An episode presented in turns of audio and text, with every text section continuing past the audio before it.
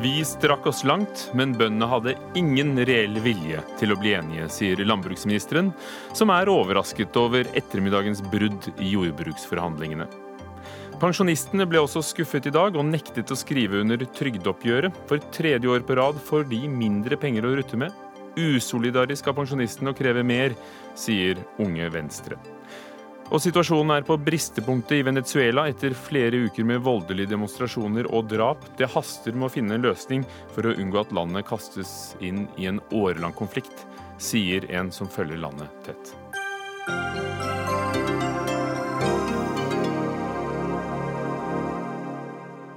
Og vi diskuterer bunad på denne 16. mai i Dagsnytt 18 med Ugo Fermariello i studio. Velkommen.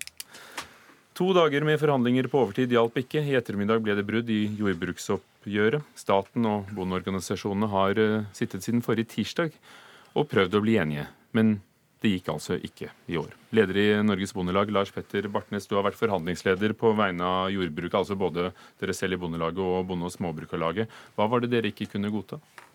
Eh, statens eh, tilbud det var ikke noen satsing på norsk matproduksjon. Eh, man har heller ingen tydelig løft av de små og mellomstore brukene.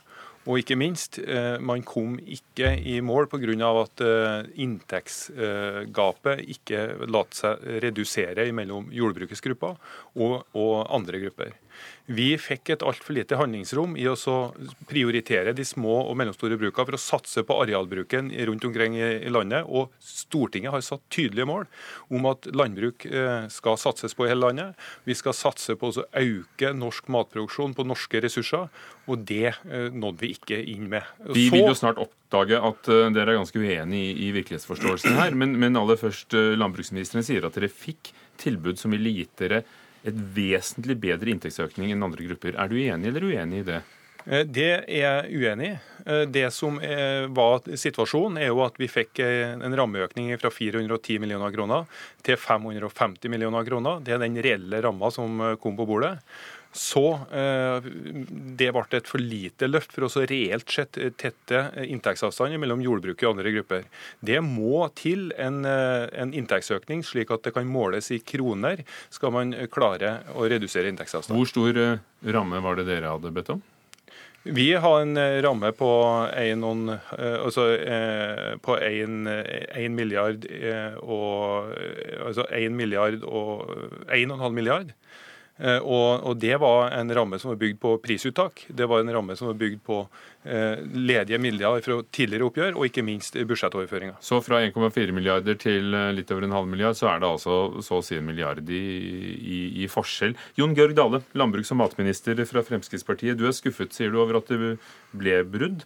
Um, Småbrukarlaget og Bondelaget har gått inn i forhandlingene uten en reell vilje til å finne løsninger, sier du, eh, innen forsvarlig ramme. Er det sånn at uansett hva de ber om, så vil du kalle det uforsvarlig? Nei. Jeg har inngått eh, avtale med Lars Petter Bartnes og Bondelaget i fjor. Regjeringa inngikk avtale med Bondelaget året før på en ramme som er mindre enn den som lå i årets tilbud. Så det er ikke slik. Det er faktisk slik at jeg går til disse forhandlingene med en klar intensjon om å lande en jordbruksavtale, sånn at vi greier å følge opp eh, våre politiske målsetninger om et aktivt jordbruk, økt matproduksjon i hele landet. Det var utgangspunktet mitt for årets jordbruksforhandlinger. Derfor har jeg lagt et tilbud på bordet som er bedre enn det eh, Bondelaget inngikk avtale på i 2015 og i 2016. Og jeg har gjennom forhandlingene lagt nye eh, penger på bordet til en totalramme på 150 millioner pluss 130 millioner som kunne ha kommet fra 2017. Så jeg har strekt meg langt for å få til en avtale. Men jordbruket har krevd en inntektsutvikling på 9% Alle andre grupper kan eh, forvente 3 i 2018. Det har vært vanskelige lønnsoppgjør de siste åra. Vanlige folk har vist moderasjon. Og Jeg mener at en ansvarlig regjering er nødt til å balansere det. Vi la opp til sterkere inntektsutvikling for bøndene enn for andre, men det går en grense for hva tid vanlige folk skal være villige til å betale regninga for en så rask opptrapping i en krevende situasjon i norsk økonomi. 9% krever dere, sier Dale. 3 for andre. Er dere uansvarlige, eller i hvert fall urealistiske? Vi har eh, lagt opp et krav i årets oppgjør for å løfte eh, matproduksjon. Eh, det er jo helt i tråd med Stortingets føringer. Vi har i grunnlagsmaterialet som vi er omforent om, staten og jordbruket, en, eh, en klar eh, føring fra, staten, nei, fra sentral, Statistisk sentralbyrå som sier at kostnadsutviklinga vil stige i 2018 i forhold til 2017. Vi har også tydelige føringer for at inntektsøkningen kommer til å stige noe fra 15 og 16 til 18. Og ikke minst så har Stortinget vedtatt at uh, jordbruket skal løftes på, på, med, med, uh, på inntektssida for å redusere inntektsavstanden mellom jordbruket og andre grupper. Dette var grunnlaget for vårt krav, og det er et nødvendig krav for å nå måla som Stortinget har stilt for landbrukspolitikken de kommende åra. Med statens tilbud i disse jordbruksforhandlingene så lå bøndene opp til å få inntektsutvikling de fire siste åra gjennom denne regjeringsperioden på over 20 dobbelt så mye som andre grupper kan vente seg. Det viser jo og Det er jo bakgrunnen for at Bondelaget har inngått avtale tidligere år. Vi har jo funnet løsninger som handler om å satse på norsk matproduksjon. Derfor ble vi enige i fjor. Derfor ble vi enige i år før. Det vi ikke kunne akseptere, var jo at i en tid der vi har krevende situasjon i norsk økonomi, der flere opplever at det er utrygghet rundt arbeidsplassene sine, der lønnsoppgjørene er preget av moderasjon, så sier jordbruket det kan ikke gjelde for oss. Sjøl når vi blir lova av staten høyere inntektsutvikling enn vanlige folk kan vente seg, så må vi ha 9 likevel, hvis ikke kan vi ikke inngå avtale. Og da hadde ikke staten noe valg i år. Sjøl om vi ville innrømme jordbruket høyere inntektsutvikling enn andre, så går det ei grense når alle andre grupper viser moderasjon i samfunnet vårt. Martins, Forsto dere ikke det før? Jeg minner om at statens tilbud uh, i dette oppgjøret var på 2,25 det er altså under det som var prognosert for andre grupper. Dette er jo ganske fascinerende at du mener at, til, at de tilbød 2,25. Du mener at dere tilbød 4,5 Hvordan statens, kan dere forstå det så forskjellig? Statens tilbud inn i jordbruksforhandlingene var på det. Og så eh, krevde vi eh, en betydelig inntektsøkning. Andre grupper ligger på 16 700 kroner per årsverk prognosert for 2018.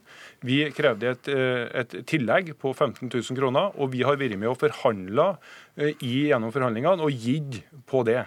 Sånn at eh, når vi da kom Og ende med 4,5 det er vi enige om. At siste kom, tilbudet var 4,5 og, og når vi kom til eh, målsnøret i forhandlingene der at det ikke var mulig å finne enighet, så var avstanden for stor, og det var ikke mulig å gå videre. Men er du enig i at det siste tilbudet fra, fra Dale var tilsvarende 4,5% inntektsøkning? Det var det. Og er du enig i at over de siste årene er det 20% inntektsøkning for dine medlemmer? Det er sånn at inntektsutviklinga ja, ja inntektsutviklinga målt i prosent, det er ett resultat. Man er avhengig av å skape inntektsvekst. Målt i reelle kroner skal man redusere inntektsavstand. Og Det er jo det dette eh, diskusjonen går på. Skal man reelt redusere inntektsavstand, så må man reelt bruke kroner. Og, eh, og regne prosent på et lite tall, det blir en svak utvikling. Prosent på et stort tall, det blir en større utvikling. Men det var 20% altså? Var, Hvis vi regner prosent? Over, over de åra fra 14 til 17 eh, så er det eh, en utvikling som vi er glad for. Men det som er problemstillinga her, er jo at denne inntektsutviklingen ikke har kommet de små og mellomstore brukene godt nok til gode. Og det er den prioriteringa som måte skal vi klare å nå måla i Stortinget. Og Påstanden Dale, er jo at, at, du har misforstått hva Stortinget ville med, med landbruksmeldingen. Eh, og nå havner jo staten for det som skjer nå, når det, når det ikke blir enighet, at staten, eh, saken havner i Stortinget. Eh, hvis de da får mer da, da har du misforstått stortingsflertallet da? Vi mener vi har strekt oss langt, og Stortinget er fri til å fastsette jordbruksoppgjør. Eh, det har de også mulighet til å gjøre i år. Men Lars Petter, grunnen til at vi har hatt god inntektsutvikling, er jo at Bondelaget har vært i stand til å inngå jordbruksavtale to år på rad. I år velger dere en annen strategi. Dere takker nei til økt budsjettstøtte med viten og vilje, sjøl om jeg har sagt gjennom forhandlingene at på innretning, på å prioritere små og mellomstore bruk, der skal vi klare å bli enige. Det som Bondelagets posisjon nå faktisk er, det er å si nei til penger, og si nei til å faktisk få gjennomslag på de områdene de har sagt har vært hovedprioritert, nemlig en styrking av små og mellomstore bruk. Og Det er et valg dere tar. Og Jeg aksepterer at dere gjør det, men dere gjør det altså på et grunnlag der inntektsutviklinga for bønder er dobbelt så høy de fire siste åra som for andre grupper. Og det er det jeg sier at jeg tror folk sliter med å forstå.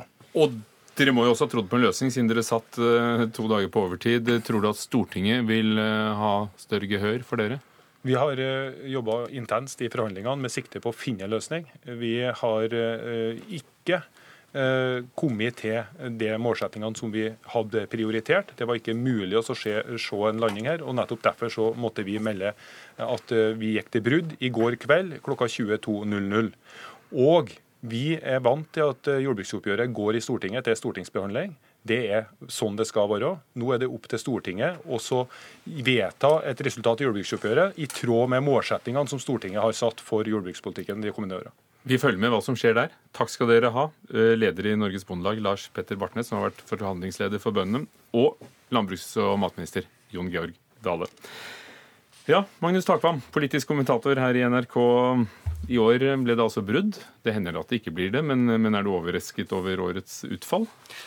Nei, jeg er ikke overrasket over det pga. den store avstanden som var der i utgangspunktet mellom krav og tilbud. Så er det klart det er et bakteppe her at det er et valgår, og da eh, spiller det inn, eh, selv om partene ikke selvfølgelig vil innrømme det. Eh, det som er en eh, skal vi si, det som er den reelle årsaken til til bruddet, er jo at det er en ulik forståelse av hva Stortinget egentlig har vedtatt når det gjelder inntektsmålet for jordbruket framover. Som vi hører her, som vi får demonstrert her.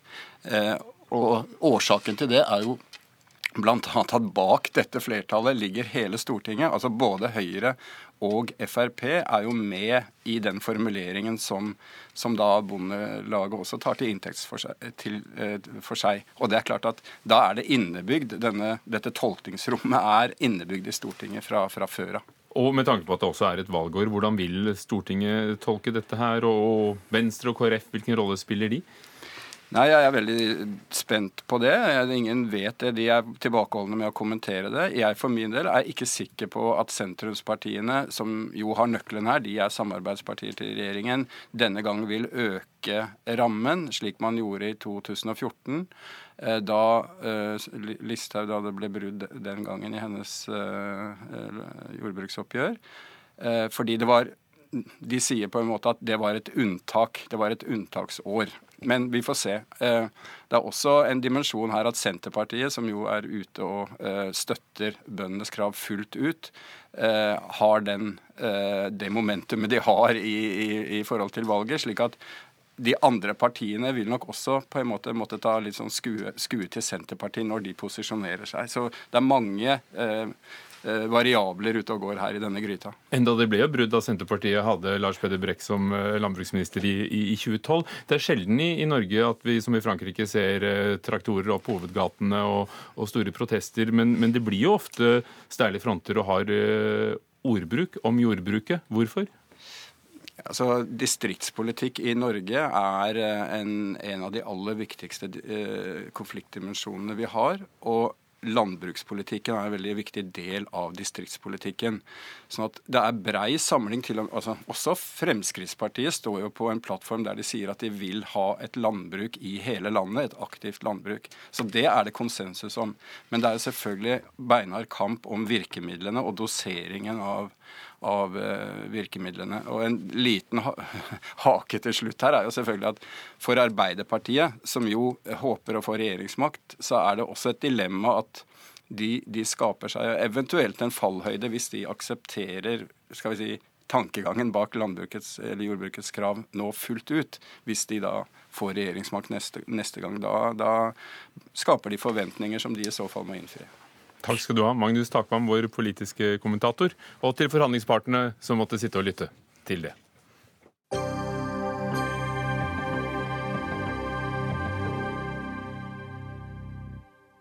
Men det har vært eh, flere oppgjør og opprør i dag. Pensjonistene får en økning i pensjonen på 0,38 i 2017. Det er resultatet av årets trygdeoppgjør, som ble lagt frem også i dag. En økning i pensjonen på 0,38 det betyr at pensjonistene da mister kjøpekraft. Jan Davidsen, leder i Pensjonistforbundet. Det godtar ikke dere. Du vil ikke skrive under protokollen for dette oppgjøret. Eh, hva er problemet, som du ser det? Nei, Problemet som vi ser det er nettopp det at eh, vi for tredje år på rad ikke klarer å opprettholde kjøpekraften. Og dette er ikke bare Pensjonistforbundet som har unnlatt å skrive under protokoll, det har også FFO gjort, SAFO og Landslaget for offentlige pensjonister. Så er vi jo mange som mener at dette føyer seg inn i rekken på det som egentlig er brudd på Stortingets intensjoner når det gjelder pensjonsreformen, nemlig å få en regulering over pris eller for å si det mer nøyaktig, mellom pris- og, og lønnsveksten. Så alle forbundene som altså er med eh, i forhandlingene og oppgjøret, men, men, det at du ikke skriver under, hva, hva hjelper det? Nei, Det hjelper ikke noe annet å ha det som en eh, protest, for vi har jo ikke så mange andre virkemidler da, enn eh, det å signalisere at vi mener at eh, hadde dette vært innenfor rammen av det som kan fortolkes som pensjonsforliket, så ville vi selvfølgelig måtte få underskrevet det. Men så lenge vi ser at, mener at dette er brudd på den, så, så er det ingen grunn til å, å gjennom det gi aksept. Anniken Hauglie, arbeids- og sosialminister. Faktagrunnlaget er vi vel enige om. 0,38% er mindre enn prisstigningen. Og er det riktig at pensjonistene skal komme dårlig ut for tredje år på rad? Det er sånn at uh, Pensjonene de reguleres jo i takt med lønnsutviklingen. Og så har vi hatt en veldig veldig tøff situasjon de siste årene pga nedturen i olje- og gassnæringen. og Det er altså hovedårsaken til at det har vært moderate lønnsoppgjør. Og man har jo bestemt at eh, pensjonene skal følge lønnsutviklingen, og at det er eh, arbeidstakernes bæreevne som skal være førende. Men så har jo også regjeringen vært opptatt av, sammen med eh, våre samarbeidspartier KrF og Venstre på Stortinget, vært opptatt av å også sikre pensjonistenes økonomi og inntektsutvikling. Så i denne perioden så har vi jo hatt andre tiltak overfor, som retter seg mot pensjonistene. i størrelse størrelsesorden nesten 7 milliarder kroner. Både i form av eh, økt pensjon til gifte og samboende, økt pensjon til minstepensjonistene, men også skattelettelser i størrelsesorden 3 milliarder kroner. Så kan si at Når man legger på det, så har det vært en, en eh, positiv uh, utvikling. Når vi ikke har hatt muligheten til å eller kunne imøtekomme kravene fra Pensjonistforbundet i dag, så har det vært fordi at det vil innebære at vi satt pensjonsforliket til side. At sentrale deler av pensjonsreformen ikke lenger skulle gjelde. At pensjonistene som gruppe skulle skjermes for eh, de store utfordringene som mange av lønnstakerne nå har stått oppi, og at man ville ha overført eh, store, eh, store regninger til dagens barn, dvs. Si morgendagens pensjonister, og det ønsket vi ikke å gjøre. Men vi har som sagt vært opptatt av å sikre pensjonistenes god økonomi, men samtidig også være innenfor pensjonsforliket, som, som, som er samlet nesten storting står bak. For der er det jo det, Jan Davidsen, at ifølge dette pensjonistforliket, hvor det er en del detaljer, altså der skal det ligge 0,75% under eh, lønnsveksten, og så blir det regulert året etter. Og når det har vært en sånn krise som det har vært i oljenæringen, ja, da, da blir det tatt høyde for. Men ser vi det over eh, flere år, siden 2011, så har kjøpekraften økt også for pensjonister, eh, i tråd med dette forliket. Så hvilke for, kan du forvente at regjeringen skal sette seg utover et bredt pensjonsforlik? Nei, overhodet ikke. Og det har vi heller ikke gjort. For kravene våre ligger innenfor pensjonsforliket. Det er jo vi som forholder oss til det Stortinget har sagt, nemlig at reguleringen av pensjon skal ligge mellom pris og lønn. Det regnestykket tror jeg du må ta overfor eh, statsråden? Nei, for det, det tror jeg nok at vi er relativt eh, enige om. Som sagt så er TB uttaler ganske tydelig på det. Men det vi forholder oss til, det er jo det at lønnsveksten for arbeidstakerne i fjor, det viser også TBU at den lå på 2,4. Det som gjør at eh, vi har fått det resultatet på 0,38, det har jo samtlige på, på si arbeidstakersiden, eller pensjonistsiden i dette tilfellet, da, gjennom eh, merknad i TBU pekt på at eh, TBU? Teknisk beregningsutvalg, beklager. Sånn at alle er enige ja, om ikke sant? Som, som, dere begge godkjenner? Ja, for all del. For begge. Og det vi peker på der, det er det at pga. den ledigheten som har vært nå, så har mange høytlønte eh, mistet arbeidet sitt. Mange høytlønte har gått til lavere lønnet arbeid. Og Det gjør jo at du får en strukturendring på lønnsutviklingen. Men og Det gjør jo at disse høytlønte, da de var i høytlønte stillinger, kanskje innen oljenæringen, ja da fikk dere også uh, nytte uh, av at de fikk store lønnsopp og tjente mye. Da kom det dere til gode. Skulle ikke det telt med den gangen, da? Da de hadde disse godt betalte jobbene? Jo, selvsagt. Og så lenge det er innenfor pensjonsreformen sine rammer, så regner jeg med at det var i orden. Og det er jo samme nå òg. ikke sant? Det som er poenget, at eh, i, i, forbindelse med pensjonsforliket så fikk regjeringen en fullmakt til under særskilte forhold å komme tilbake igjen. Og vi mener jo det at under særskilte forhold så ligger det da, når du altså har hatt en slik endring i sammensetning av lønnsmassen som utgjør 0,7% av en totalitet på 2-4, så mener vi at da er det grunn for at regjeringen også ser dette. Og husk på en ting, dette er tredje året vi har lønnsned, altså nedgang på kjøpekraften fra arbeidstakerne, så har det vært ett år dette har skjedd. Hauglie, særskilte forhold. Skyver du pensjonsreformen foran deg for å slippe å Nei. ta en sånn avgjørelse? Nei, det som lå til grunn for uh, såkalt det, er, det, her blir jo litt teknisk debatt. da, Det, det krever at man er kanskje litt innvidd i, i, hvordan dette beregnes. Men det som lå var utgangspunktet for særskilte forhold da det kom i sin tid, i 2002, det var jo uh, at man skulle se uh, grupper grupper, holdt grupper utenfor det var særskilte forhold ved lønnsdannelsen til den gruppen. Man, den gangen holdt man lærerne utenfor. Da var det ikke bare fordi at de fikk en lønnsøkning, men også fordi det innebar at de skulle jobbe mer. Det vi nå ser, er jo strukturelle forhold. Dvs. Si at, at olje- og gassnæringen nå sliter. Det gjør at deres nedgang påvirker lønnsdannelsen mye. Men som også du var inne på, i gode år så har de bidratt motsatt. Og det som Pensjonistforbundet og Pensjonistene nå ber om, det er jo at man skal få med seg de gode sidene ved reformen, og så skal man slippe å ta de eh, dårlige sidene ved reformen. Ja, er det teknikk eller er det vilje? For hadde du villet, kunne du sett annerledes på det da? Nei, men Jeg er litt sånn opptatt av at vi skal være sånn tro mot det man har blitt enige om. Du vet at eh, Det at man regulerer f.eks. pensjonen, at man tar lønnsutviklingen to år tilbake i tid, det var jo noe som pensjonistene selv ønsket. Sannsynligvis fordi man tidligere undervurderte lønnsveksten. Det betyr at da kom det pensjonister til gode at man etterregulerte. Jeg er sånn opptatt av at, at at jeg skjønner godt at man ønsker å få mer for alle. Det er ikke forstå det. Men jeg er også opptatt av at punkt én, at det er viktig at vi passer på at eh, arbeidstakernes bæreevne også ivaretas. At, eh, at når de sliter og må gå ned i lønn, kanskje miste jobben, ja, så må også de andre ta hensyn til det. Og jeg er også opptatt av at vi ivaretar generasjonsperspektivet. Du vet at Dagens pensjonister eh, slipper relativt billig unna, hvis jeg kan si det, sammenlignet med morgendagens pensjonister på pensjonsreformen. Dagens pensjonister de kan jobbe fullt, ta ut pensjon samtidig. Eh, levealdersjusteringen og de andre elementene, innsparingseffekten av pensjonsreformen, det kommer eh, etter Davidsens tid og, og i, i, i, i, andre sitter i vår tid. Vi, vi får stoppe opp og ta disse elementene her. altså pensjonsforliket. Dere har tydeligvis en helt grunnleggende forskjellig forståelse av hvordan de arter seg. Samtidig som denne regjeringen har da kommet med skattelette og økning til visse grupper. Samboende pensjonister f.eks. 7 milliarder kroner i løpet av den perioden. Det er ganske formidabelt løft i en vanskelig tid. Davidsen. Jo, men Det vi forholder oss til her, det er jo reguleringen av pensjonen. Jeg skulle gjerne sett hvis noen gikk inn i et tariffoppgjør og begynte å argumentere med andre typer økonomiske virkemiddel. Det vi er opptatt av, det er å sørge for at pensjonen skal ha en regulering som står i forhold til både lønnsutviklingen, men òg nå i dette tilfellet her i forhold til prisutviklingen, siden vi faktisk ligger under den. Men er det, er det ikke noe i kritikken at det er dere som misforstår pensjonsforliket, som dere selv var med på å utforme? Nei, hvor mye vi må utforme det. Vi har sikkert hatt en høringsuttalelse på dette, og de tingene, men dette er Stortingets eh, vedtak, det er Stortingets behandling. Og det skulle ønske at det var sånn som du sier nå, for vårt primære krav er jo å få tilbake forhandlingsretten på pensjon. og Hvis det er det vi sitter og diskuterer nå, så skulle jeg gjerne vært med på den. Tord Hustveit, leder i Unge Venstre.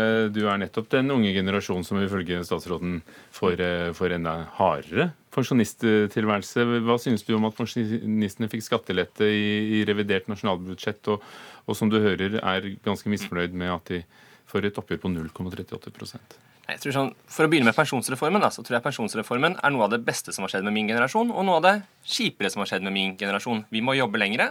Eh, men jeg tror de fleste på min alder har egentlig ikke noe problem med det, for vi kan tilpasse oss. Vi har hatt en god oppvekst i et trygt land, eh, og vi har hatt folk før oss som har tatt trygge og gode avgjørelser. Eh, og jeg mener jo pensjonsreformen var en av de trygge og gode avgjørelsene som sikrer at også min generasjon får pensjon. Men så vet vi at selv om vi har gjennomført pensjonsreformen, så vil vi i årene som kommer få veldig vanskelige økonomiske tider. Er de, er de ikke du? Nei, men jeg skulle ønske de var villige til å vise litt mer solidaritet, for jeg mener at det er en generasjonskontrakt her. Jeg gir noe, din generasjon gir noe. Eh, jeg sjekka på nav.no før jeg dro hit. Jeg må sannsynligvis jobbe til jeg blir godt over 70. Det er jeg villig til å gi. Jeg skulle ønske dere også da var villige til å si vi har en god pensjon i Norge i dag. Jeg er enig det er noen grupper som kanskje burde fått mer. Greit, da kan vi prioritere de gruppene, men det er jo ikke det regjeringa kommer med skatteletter nå. Og det er heller ikke det debatten om eh, pensjonsforliket og underregulering handler om. Eh, så jeg skulle ønske dere var villig til å vise litt mer solidaritet med min generasjon. Og så kunne vi sammen vist mer solidaritet for de pensjonistene som har minst. Davidsen, det er han som skal betale for det? Jo, men for å si det sånn da, det er jo en generasjonsbro, dette. For jeg har betalt for han. Jeg begynte i arbeid da jeg var 18. Jeg har betalt skatten min, pensjonspremien, trygdepremien min. Og det eneste jeg var lovet den dagen jeg var 67, skulle få en pensjon på, 7, på 66 siden jeg var heldig også å jobbe innenfor et område som hadde den ordningen. Og det i mellomtiden har jeg behandlet alt fra jordmoren hans til eh, oppveksten hans og det å få et regulert arbeidsliv. Men det er jeg helt enig med han i som er hovedproblemet nå, det er å sørge for at flest mulig ungdommer kommer seg inn i arbeidslivet, så de får en sjanse, den samme muligheten seg, til å tjene seg opp pensjonspoeng. Det andre er å få organisert arbeidslivet slik at alle, ikke bare noen, har en mulighet til å stå lenge i arbeid. For det er klart han kommer til å bli rammet av levealdersjusteringen. Og hvis ikke hans arbeidsgiver er interessert i han, hvis ikke arbeidslivet er innrettet slik at han ut fra sin alder, fysisk og psykisk tilstand kan stå i arbeid, så kommer han til å få en smalhans. Og det kan du gjerne si at det vi gjør nå, med å opprettholde disse nivåene som vi er ute etter, det er jo kort og godt å sikre at det er det som er hans utgangspunkt, og ikke det han skal miste og aldri skal klare å få igjen. Nei, men det er det jeg frykter at nettopp at dere kjemper for å beholde de nivåene på pensjonen her. og også Hvis dere, hvis hadde fjerna underreguleringa i år, så ville det kosta 2,3 milliarder. Det er penger vi måtte tatt med oss hvert eneste år framover. Samtidig som vi vet at vi det mangler Det som gjør at de fikk dette oppgjøret på 0,38 ja, ja. Eh, og samtidig vet vi at vi må spare inn 5 milliarder årlig ellers òg. Den eneste motmedisin mot det her er å få flere i arbeid. Mm. Så jeg skulle ønske dere istedenfor å be om å få eh, disse pengene, kunne sagt vi skal satse på utdanning, vi skal satse på skole, vi skal satse på å få unge uføre ut i jobb. Eh, for hvis, vi, hvis antall unge uføre fortsetter å øke, Eh, hvis vi ikke klarer å utdanne dagens unge så de kan stå i en global konkurranse med robotisering, eh, hvor det er eh, større krav til kompetanse, ja, da blir det færre i arbeid. Og da blir det færre til å finansiere pensjonen, også for meg og for deg og for Anniken. Og det mener jeg er en situasjon som er problematisk. Jeg skulle ønske dere la inn vekta der istedenfor å legge det på å få mer penger akkurat nå. Så de må godta, syns du, det som er kommet, ikke det at de har noe valg? Nei, Jeg mener det handler om at det er vanskelige tider i Norge, og da må alle bidra. Anniken Hauglie, det må likevel være en pussig situasjon da, når dere kommer med et oppgjør som ikke blir underskrevet av noen av partene, for deg som sitter der på den andre enden av skrivebordet? Ja, Det har skjedd noen ganger før også. Klart, Ideelt sett så skulle jeg ønske at alle var fornøyd, og at man kunne takke hverandre og at man uh, signerte. Men, men, nå er ikke pensjonistene fornøyd med det. Jeg, jeg må ta det til etterretning.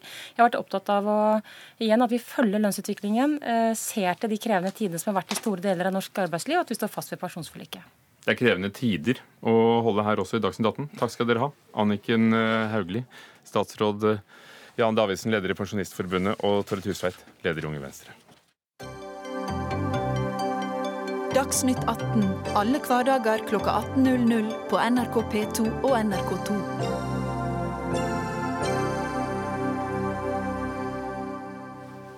Fra pensjonistene til de helt unge og 16-åringene, som i 20 kommuner eh, gjennom to lokalvalg har hatt anledning til å stemme i et prøveprosjekt. Nå har regjeringen avsluttet prøveprosjektet eh, og funnet ut at det kanskje ikke er så lurt å gi 16-åringer stemmerett. Det mener regjeringen etter å ha evaluert forsøksordningen, eh, som, ga, som altså ga dem stemmerett i, i 20 utvalgte kommuner. Øystein Kolstad Kvalø, leder i Redd Barnas ungdomsorganisasjon Press. Du føler at regjeringen svikter ungdommen. Det skriver du en kronikk i Aftenposten. Eh, hvordan opplever du sviket? Jeg vil si at eh, man svikter ungdom fordi man ikke eh, inkluderer det i demokratiet. Og i demokratiet som det er å faktisk få avgi sin stemme, som er så viktig. Hvor skal grensen gå? 14-15-åring? Vi vil si 16 år. Eh, for da er man ferdig med obligatorisk grunnskole. Eh, og da er man etter samfunnets definisjon ferdig utlært. Eh, da skal man kunne ta de beslutningene som man trenger å ta et, ja, ved å stemme i et valg. De rapportene du har fått, hva, hva sier de om hvordan det har gått i de kommunene som har prøvd? Det viser jo at det har gått veldig bra, og at det er sånn som vi ser det, bare positive effekter. Det er høyere valgdeltakelse blant førstegangsvelgere som er 16, enn blant førstegangsvelgere som er 18. Eh, og det er også flere unge som blir valgt inn i kommunestyrene, som sikkert eh, Johannes kan fortelle mer om senere. Eh, så det er jo veldig mange positive effekter ved det. Hedvig Herdal, leder i Høyres studenter. Dere har hele tiden argumentert mot stemmerett for 16- og 17-åringer. Hva har deres argumenter vært? Jeg mener først og fremst at det bør være slik at stemmerettsalderen skal følge myndighetsalderen, og den er 18 år. Uh, så jeg syns at det er et helt valid Eh, poeng, sånn som du sier, og si ja, 16 er sikkert fint, men hvorfor da ikke 14, og hvorfor ikke da 15? Så vi mener at dette er en veldig praktisk, fin måte å gjøre det på, for da følger det også valgbarhetsalderen. Altså 16-åringer er jo ikke gamle nok til å bli valgt inn i et kommunestyre, og da mener vi heller ikke at eh, de bør kunne ta store beslutninger som hvor mye kommunen skal ta opp i lån, eller andre ting som går over andre. Når de, når de i øynene til myndighetene ikke er gamle nok til å ta beslutninger eh, over seg selv. Samtidig så har det jo da vist at interessen er stor. Kunne det vært noe som er med på å motivere til politisk engasjement også siden? Ja, og press er helt rett i at det har hatt noen positive effekter. Jeg mener det er en fin ting at uh, f.eks. flere unge blir valgt inn, og at man øker interessen, men det viser oss rapporten at den ikke har gjort i like stor grad som det man skulle ønske at man, eh, den kanskje hadde gjort. fordi eh, det er helt riktig at de stemmer litt mer enn de som er eh, normalt førstegangsvelgere over 18 år. Men de stemmer også lavere enn befolkningen generelt. Og da mener jeg at man heller burde bruke krefter på å øke den generelle interessen til ungdom i politikk, og slik at de deltar mer samlet enn bare å fokusere på å senke stemmerettsalderen, for det tror jeg ikke automatisk løser noen ting. For det er jo det at 18-åringer eh, er Du må være 18 for å bli valgt. Og skal en 16-åring stemme på hva når de ikke engang kan velge selv? Og vi, vi tiltrår dem ikke oppgaven til å sitte der og, og bestemme over kommunens økonomi, f.eks., eller søppeltømming, eller hva det skal være. Men myndighetsalderen har jo tradisjonelt ikke vært eh, fulgt stemmerettsalderen nødvendigvis. Så det er jo ikke noe som sier at man må eh, ha samme myndighetsalder som eh, valgbarhetsalder. Og så syns jeg jo det er litt eh, paradoksalt at eh, hvis man blir umyndiggjort, f.eks. som eldre, så kan man bli umyndiggjort. Da mister man mange rettigheter. Man blir behandla på mange måter som et barn eh, etter rettighetene sine. Men stemmeretten, den mister man ikke. Eh, så det er jo et, litt paradoksalt at man, de som blir umyndiggjort, de har fortsatt stemmerett. Johannes Berg ved Institutt for samfunnsforskning. Eh, du er en av forskerne som står bak rapporten som evaluerte prøveordningen med stemmerett for 16-åringer. Eh, hva var konsekvensene, hva var de største funnene? Ja, altså Hovedfunnet er vel egentlig at det ikke fikk så store konsekvenser. Det hadde ikke noen store negative konsekvenser, eh, og det hadde heller ikke noen store positive konsekvenser. Den viktigste konsekvensen var egentlig det som ble nevnt her, at det var flere unge som ble valgt inn i kommunestyrene. Dere la frem rapporten i slutten av november i fjor. Denne uken eh, falt regjeringens eh, avgjørelse. Var det som ventet? Hadde du forventet at det ble konklusjonen av rapporten deres? Ja, det var vel som ventet, i og med at Høyre ikke er tilhenger av å senke stemmerettsalderen, heller ikke Fremskrittspartiet. Så da kunne man kanskje vente det av, av denne regjeringen. Men vil Men du si at det, det var en konklusjon som bare kunne peke i denne retningen, eller ville, tror du at andre politikere ville sett annerledes? For rapporten ble jo brukt som eh, sannhetsvitne. Ja, altså, jeg vil si at Rapporten kan peke i begge retninger. Altså, rapporten viser jo at de negative konsekvensene man kunne frykte, at ungdommer bare følger populistiske politikere f.eks., at de ikke deltar eh, i valg, de, de skjedde ikke. Samtidig skjedde heller ikke de mest positive konsekvensene. At, at uh, ungdoms interesse økte voldsomt som et resultat av at de fikk stemmerett, eller at, at valgdeltakelsen øker på lang sikt, som også har vært et, et viktig argument. Det, det, ser vi at ikke uh, skjedde. Så, er ikke det litt så, tidlig å, å, å, se etter bare to valgomganger? Uh, det, det, kan du si. altså Det første valget var i 2011, så vi har hatt to valg etter det som, hvor vi kan se på den effekten. Eh, så eh, det man kan si alt i alt, er at, at forsøket hadde ikke noe stor effekt. Eh, og det norske demokratiet vil fungere akkurat på samme måte om 16-åringer får stemmerett. Og for mange er jo det et argument for å senke stemmerettsalderen. Men prinsipielt at du skal være valgbar for å velge, hva er din holdning til det? Eh, ja, altså det er et argument som ofte blir brukt, både at man skal være valgbar, eh, og det er selvsagt eh, opp til Stortinget å bestemme hvem som er valgbar. Så hvis man senker stemmerettsalderen, kan man også senke valgbarhetsalderen. Ellers har vi en myndighetsalder på 18 år, og mange vil si at der også bør det være en, en, en sammenheng. Og det, det, kan man si at det er logisk at mange rettigheter mm, får man på samme tidspunkt. Men samtidig er det riktig som det blir sagt her, at, at stemmerettsalder og, og myndighetsalder myndighetsalder ikke alltid har vært det samme. Er, er, det en internasjonal debatt rundt dette andre, i andre land? Mm, ja, det er en internasjonal debatt. Eh, altså, Østerrike er da det første landet i Europa som har senka stemmerettsalderen til 16 år for alle valg. Eh, I tillegg har delstater i Tyskland, Estland har innført det ved lokale valg. I Skottland har man eh, stemmerett for 16-åringer ved skotske parlamentsvalg. Og det er en diskusjon i, i flere land, så, så, det er ikke noe vi har funnet på her på berget. Det, det, det er en, en aktiv diskusjon i Europa egentlig om temaet. Hedvig Herdal, det virker som det er en, en retning mot at dette vil eh, komme igjen og igjen. Eh, det er jo opp til politikere å bestemme om man kan være 16 år selv om du må være 18 år for å bli valgt, eller til og med la 16-åringer bli innvalgt i kommunestyrene? Eh, ja, det stemmer at det er noe man kunne ha ordnet på. Jeg syns det er veldig fint at man snakker om hvordan man kan øke interessen for politikk og valgdeltakelsen blant unge. Men jeg syns det er et veldig viktig poeng her som blir trukket frem fra Berg, at uh, evalueringen ikke har vist at man uh, øker deltakelsen i andre valget etterpå. At man bare stemmer i det første. Og da mener jeg at det ikke er noen grunn til å utvide dette prosjektet nå, fordi at det ja, Jeg tenker at Dette handler om demokrati. Det handler om også 16-åringene skal få delta i den viktigste kanalen til demokrati, som også er å stemme i valg. Det er ja. jo det absolutt viktigste. og Det er jo da man har reell politisk påvirkning. Ja, men Det er veldig mange andre arenaer hvor eh, unge kan eh, påvirke i dag, f.eks. i ungdomspolitikken eller i organisasjoner som press. Jeg tror ikke nødvendigvis at man bare skal se på demokrati gjennom stemmeseddelen, men alle de andre kanalene man har for å påvirke også. Men når man stemmer, så har man faktisk en direkte innflytelse. Og det er den eneste måten man faktisk er helt sikker på at din stemme er verdt noe. Eh, det kan man jo ikke garantere i ungdomsorganisasjoner eller ungdomspartier, selv om det er også en veldig viktig Eller i program som Dagsnytt 18. Ja. Takk skal dere ha. Øystein Kolstad Kvale i Redd Barnas ungdomsorganisasjon Press, Hedvig Herdal, leder i Høyres studenter, og Johannes Berg, forsker ved Institutt for samfunnsforskning.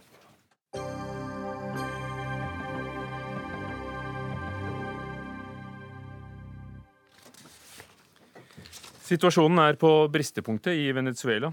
Oljelandet som har gått fra velstand til voldelige demonstrasjoner og, og, matmangel. De siste syv ukene har nærmere 40 personer mistet livet som følge av vold og sammenstøt under protestene mot landets president, Nicolas Maduro, som står markert på venstresiden.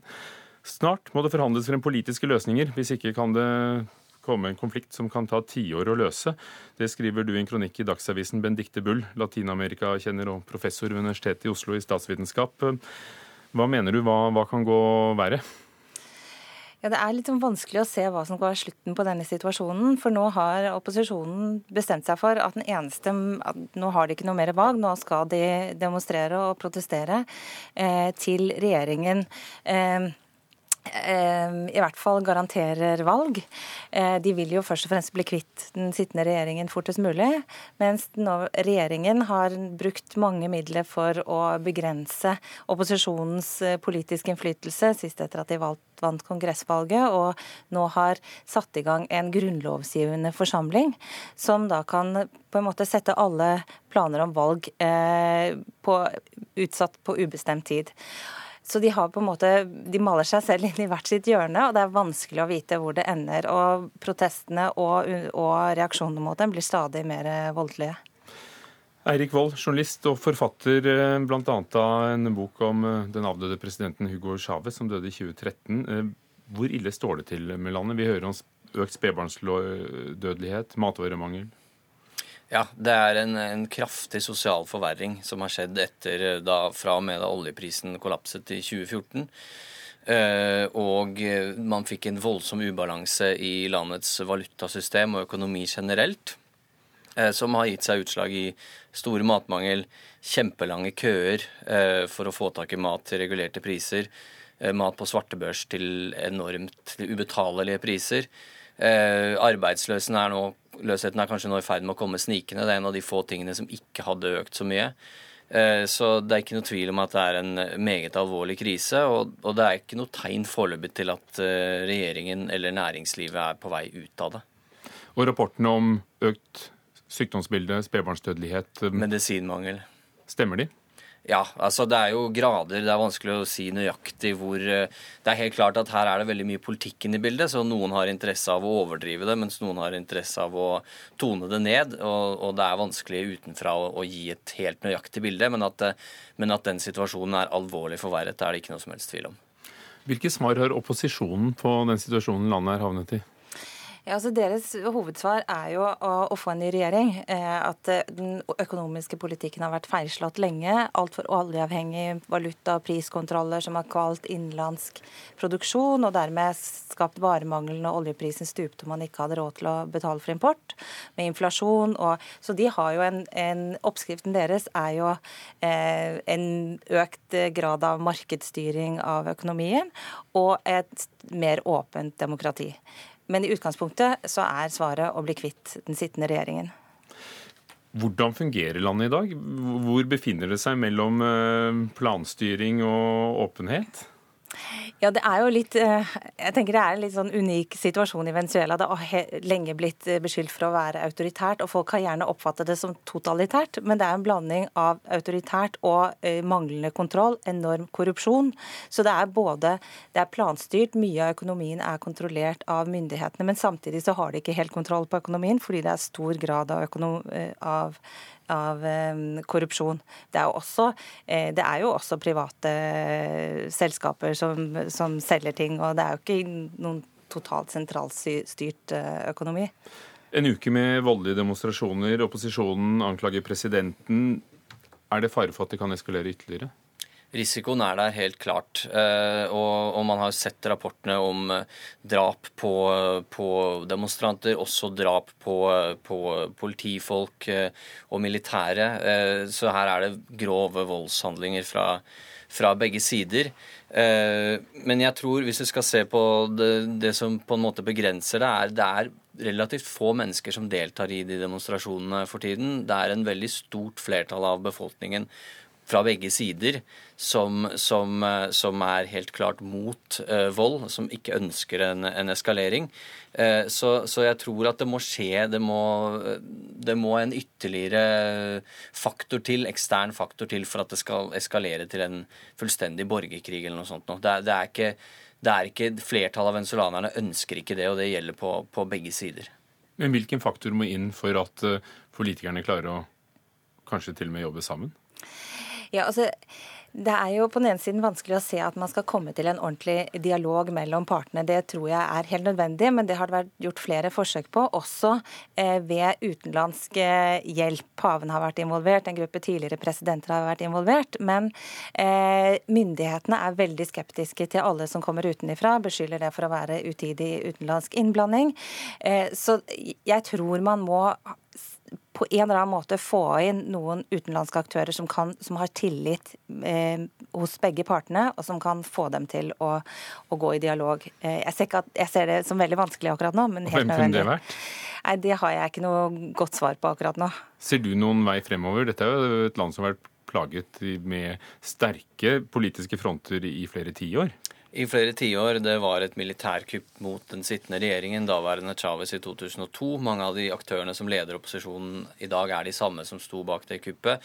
I dag er det på mange måter regjeringen som har innskrenket eh, opptil flere demokratiske eh, rettigheter. Samtidig så var den første reaksjonen da opposisjonen vant eh, parlamentsvalget, så var deres første reaksjon å bruke sitt flertall til å forsøke å avsette den folkevalgte presidenten.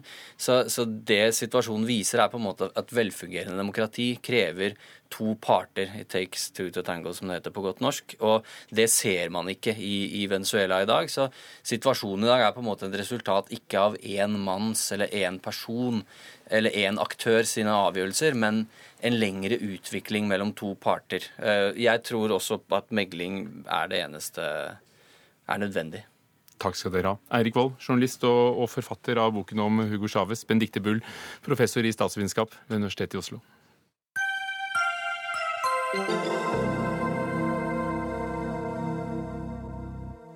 Om få timer heises flaggene, og bunadene luftes over hele landet. Strykes nå bunadsskjorter, søljene pusses for harde livet.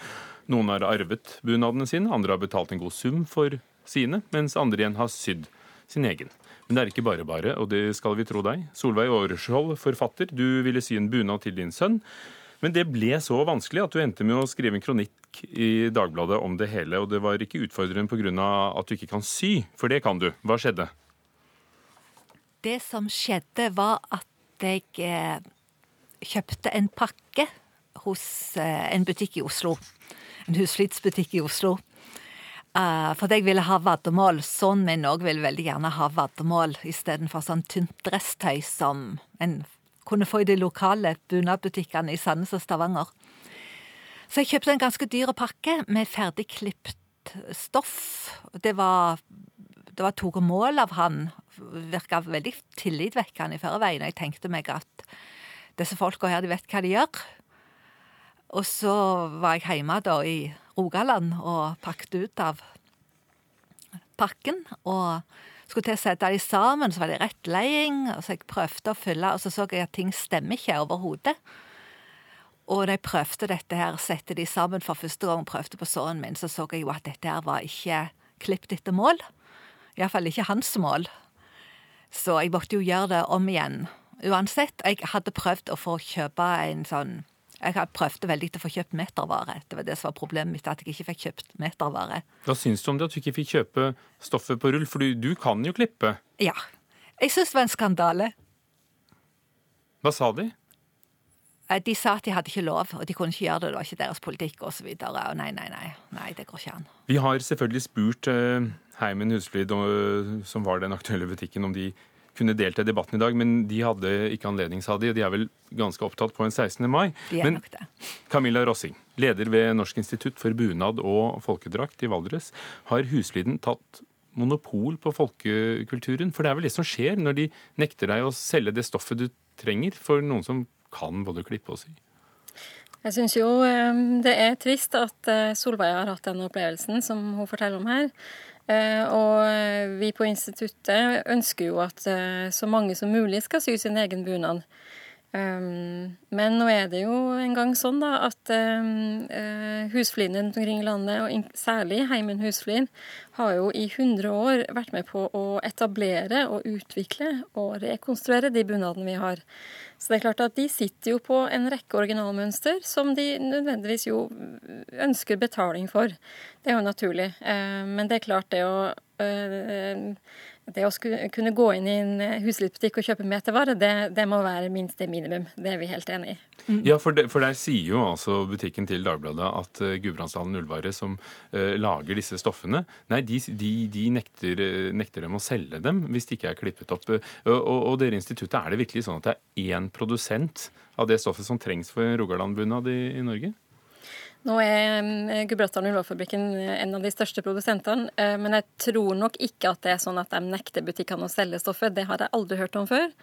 Eh, og eh, det syns jeg høres merkelig ut. For når, når Heimen Husflid eller andre huslivsbutikker som, som, butikker tar inn stoff fra GU, så kan de selge det så mye eller lite de vil. Har Husfliden Solveig Åreskjold hatt et slags monopol på folkekulturen, oppfatter du? Både denne og, og kanskje andre butikker?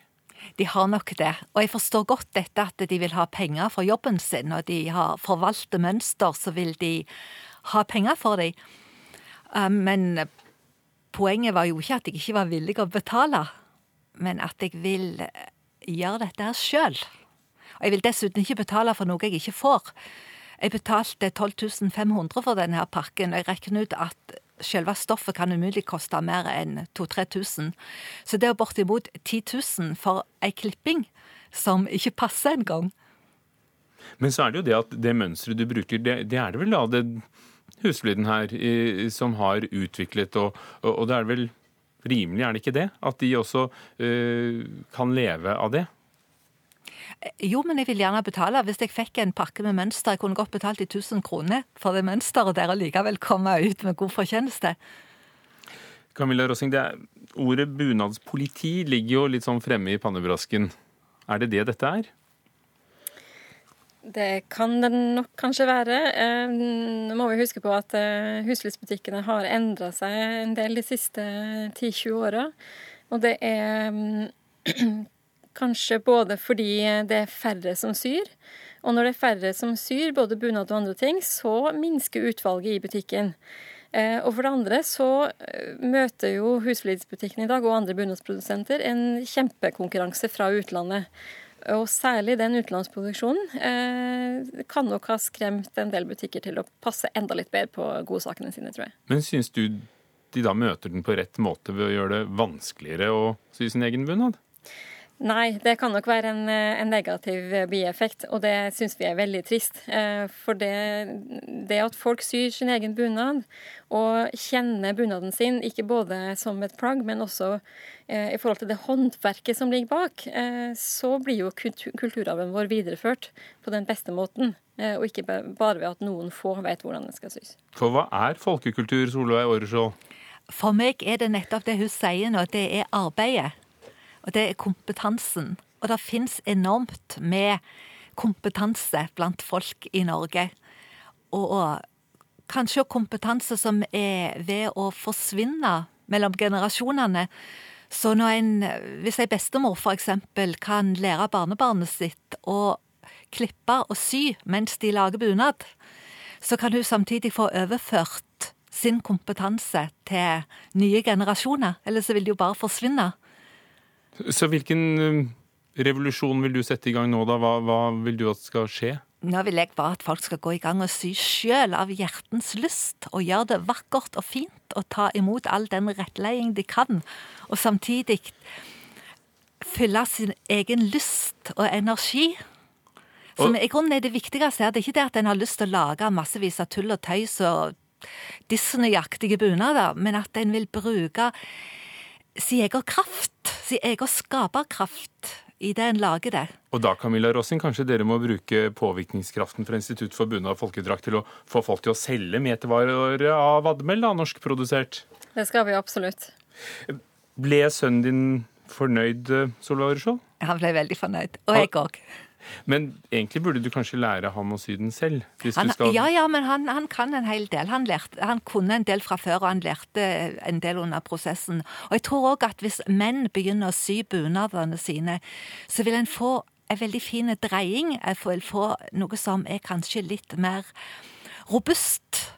Nå er det jo ei utviklingen mot det tertefine, det repetitive, og til mer enn outsource det til Asia, til mindre forstår jo de som syr hvordan dette skal se ut, hva slags tradisjon det står i.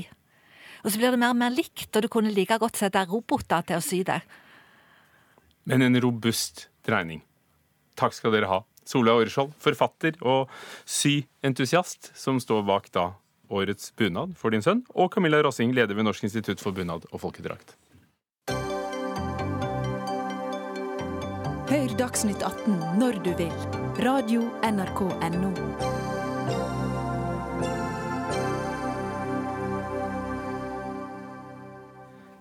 Fabian Stang fornekter at politisk ekstremisme finnes, skriver eh, SVs Kari Elisabeth Kaski i et innlegg i VG i går. Under et bystyremøte i Oslo den 10. mai var Stang kritisk til at enkelte SV-politikere brukte begrepet høyreekstremisme. La oss aller først høre ordene som falt i bystyresalen. Hvis vi snakker om at ekstremister er høyre- eller venstreekstremister, så har vi på en måte opphøyet ekstremismen til å bli politikk. Og det fortjener den på ingen måte. Fabian Stang, bystyremedlem fra Høyre i Oslo og statssekretær i Justisdepartementet. I leksikon så står det ytterliggående holdning, særlig politiske spørsmål om ekstremisme. Hvordan kan du si at det ikke er politikk i ekstremisme? Først må jeg bare rydde opp i noe. fordi at uh, vi, Jeg er da bystyremedlem, og så er jeg statssekretær. Uh, Riktignok for en annen statsråd enn det du har skrevet om, men, uh, men skitt la gå. Uh, og jeg har uttalt meg da som bystyremedlem, og det må jeg ha rett til. for Hvis ikke så har jeg ikke ytringsfrihet hvis liksom regjeringen skal være ansvarlig hele tiden for det jeg sier. Men vi hadde en debatt om ekstremisme, og da er vi jo særlig opptatt av ungdom i Oslo. Hva vi skal gjøre i forhold til det. Og Der er det jo forebyggende arbeid som er det avgjørende for å få dem på rett kjøl igjen før de gjør noe gærent. Eh, og så I den debatten så ble det veldig mye sånn høyreekstrem, høyreekstrem, høyreekstrem. Og i det så ligger jo litt grann, en sånn form for ansvarliggjøring. At vi på høyresiden har et ansvar for, eh, for, eh, for de ekstreme. Og det mener jeg bestemt at verken høyre- eller venstresiden i politikken har noe ansvar for det. Og så tenker jeg at Når vi snakker om ekstremister eller terrorister, så er det folk som skal straffes. Eh, og ikke nødvendigvis diskuteres politikk med.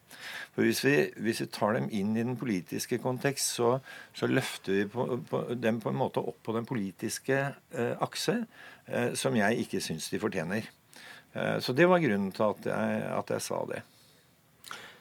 Kari Elisabeth Kaski, førstekandidat til Stortinget for Oslo SV. Hvorfor vil du si at det er viktig å omtale voldelig ekstremisme i en politisk sammenheng? Poenget her er vel nettopp at dette er ikke politikk, dette er kanskje kriminalitet?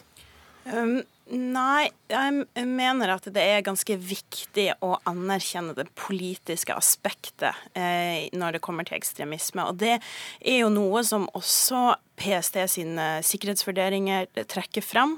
Eh, det er noe som, som regjeringa sitt egen handlingsplan mot ekstremisme vektlegger.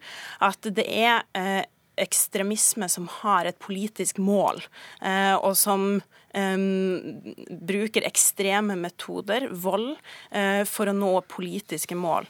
Og da tenker jeg det er ganske viktig å anerkjenne akkurat det, og forstå den konteksten som ekstremister, enten det er på venstresida, på høyresida eller om det er islamistiske ekstremister, opererer i. Uh, fordi når vi skal gå inn og debattere hvordan vi skal um, få mindre ekstremisme, hvordan vi skal bekjempe det, så må vi også forstå hvor de ideene kommer ifra, og hva slags kontekst det opererer i.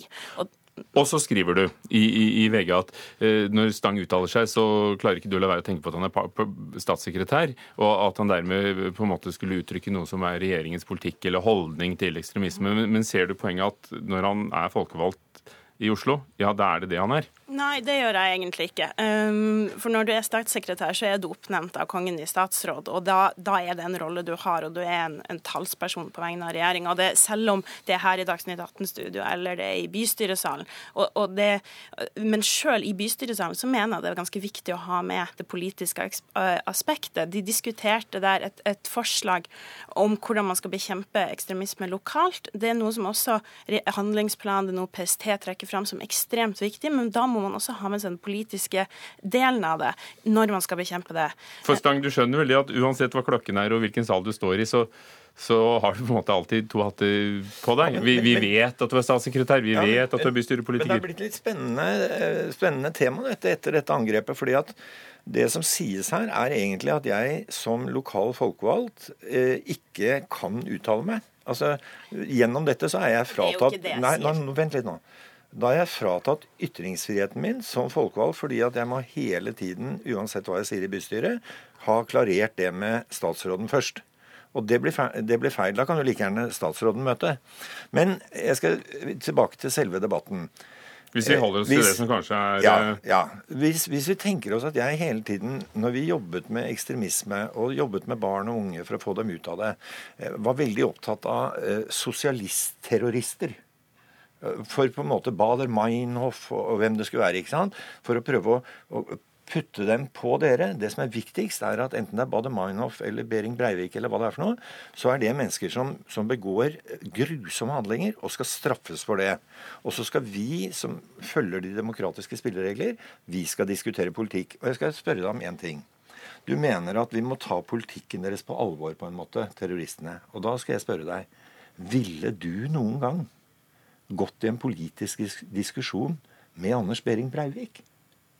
Jeg tror det er, jeg, ganske, jeg syns det er oppsiktsvekkende, det her. fordi at også hvis du leser handlingsplanen fra dere, hvis du leser PST sin trusselvurdering, så, så, er det snakk om politikk. Og husk på, dette er ikke snakk om å fordele skyld blant de politiske partiene eller miljøene på de ulike aksene, men det er definitivt et spørsmål om å fordele ansvar. Og jeg mener at, nei, men La meg fullføre det. for jeg mener faktisk at alle politiske partier eller politikere har et ansvar for både hva slags klima man skaper i den politiske debatten, hvilke ideer man fremmer, og hva slags virkelighetsforståelse man bidrar til, og hvilke fiendebilder man skaper. Fordi de politiske ekstreme miljøene, som veldig mange som, Enten snakk om eh, islamistiske ekstremister eller høyreekstremister, jobber jo ut ifra et virkelighetsbilde som er ekstremt, men som har grobunn i det, også den politiske samtalen som vi har. Og der tenker jeg at Vi greier ikke å bekjempe det hvis vi ikke tør å ha en saklig debatt som anerkjenner at de ideene det er forsgrunn, men det må vi ta på alvor. Ingen fare for at noen tror at det man omtaler som høyreekstreme, har noe med partiet Høyre å gjøre, like lite som Bader Meinhof eh, ville hatt noe med SV å gjøre? Nei, det er jo mitt poeng. Eh, så det er derfor, vi, derfor jeg spør om Hvorfor skal vi nødvendigvis løfte dem opp til politikken? Dette er mennesker som begår straffbare handlinger som er helt uakseptable. Og, og det man fra SVs side Men er det, er det, uten interesse hvilke mål de selv setter seg, og hvor de plasseres i det ideologiske landskapet? Nei, på ingen måte. Og vi skal jobbe med de underliggende, underliggende eh, politiske deler av, av deres engasjement. Men, men, men jeg syns det å prøve å dytte dem på hverandre Eh, er ufint. Du reduserer dette også til, til, enkeltpersoners handlinger, og det mener jeg er å, å ikke ta inn over seg hva det er vi snakker om her. For dette er jo til dels ganske store bevegelser som har politiske vold, eh, mål som de bruker vold for å oppnå. Og for å, løfte, for å få folk ut av det, for å minimere og få mindre ekstremisme, så tror jeg vi må forstå hvor disse ideene kommer ifra. Vi må angripe de ideene. Kari Elisabeth Kaski fra Oslo SV, Fabian Stang fra Høyre. Erik Sandbråten var teknisk ansvarlig i dag, Dørum ansvarlig for Dagsnytt 18, Ugo Fermariello programleder.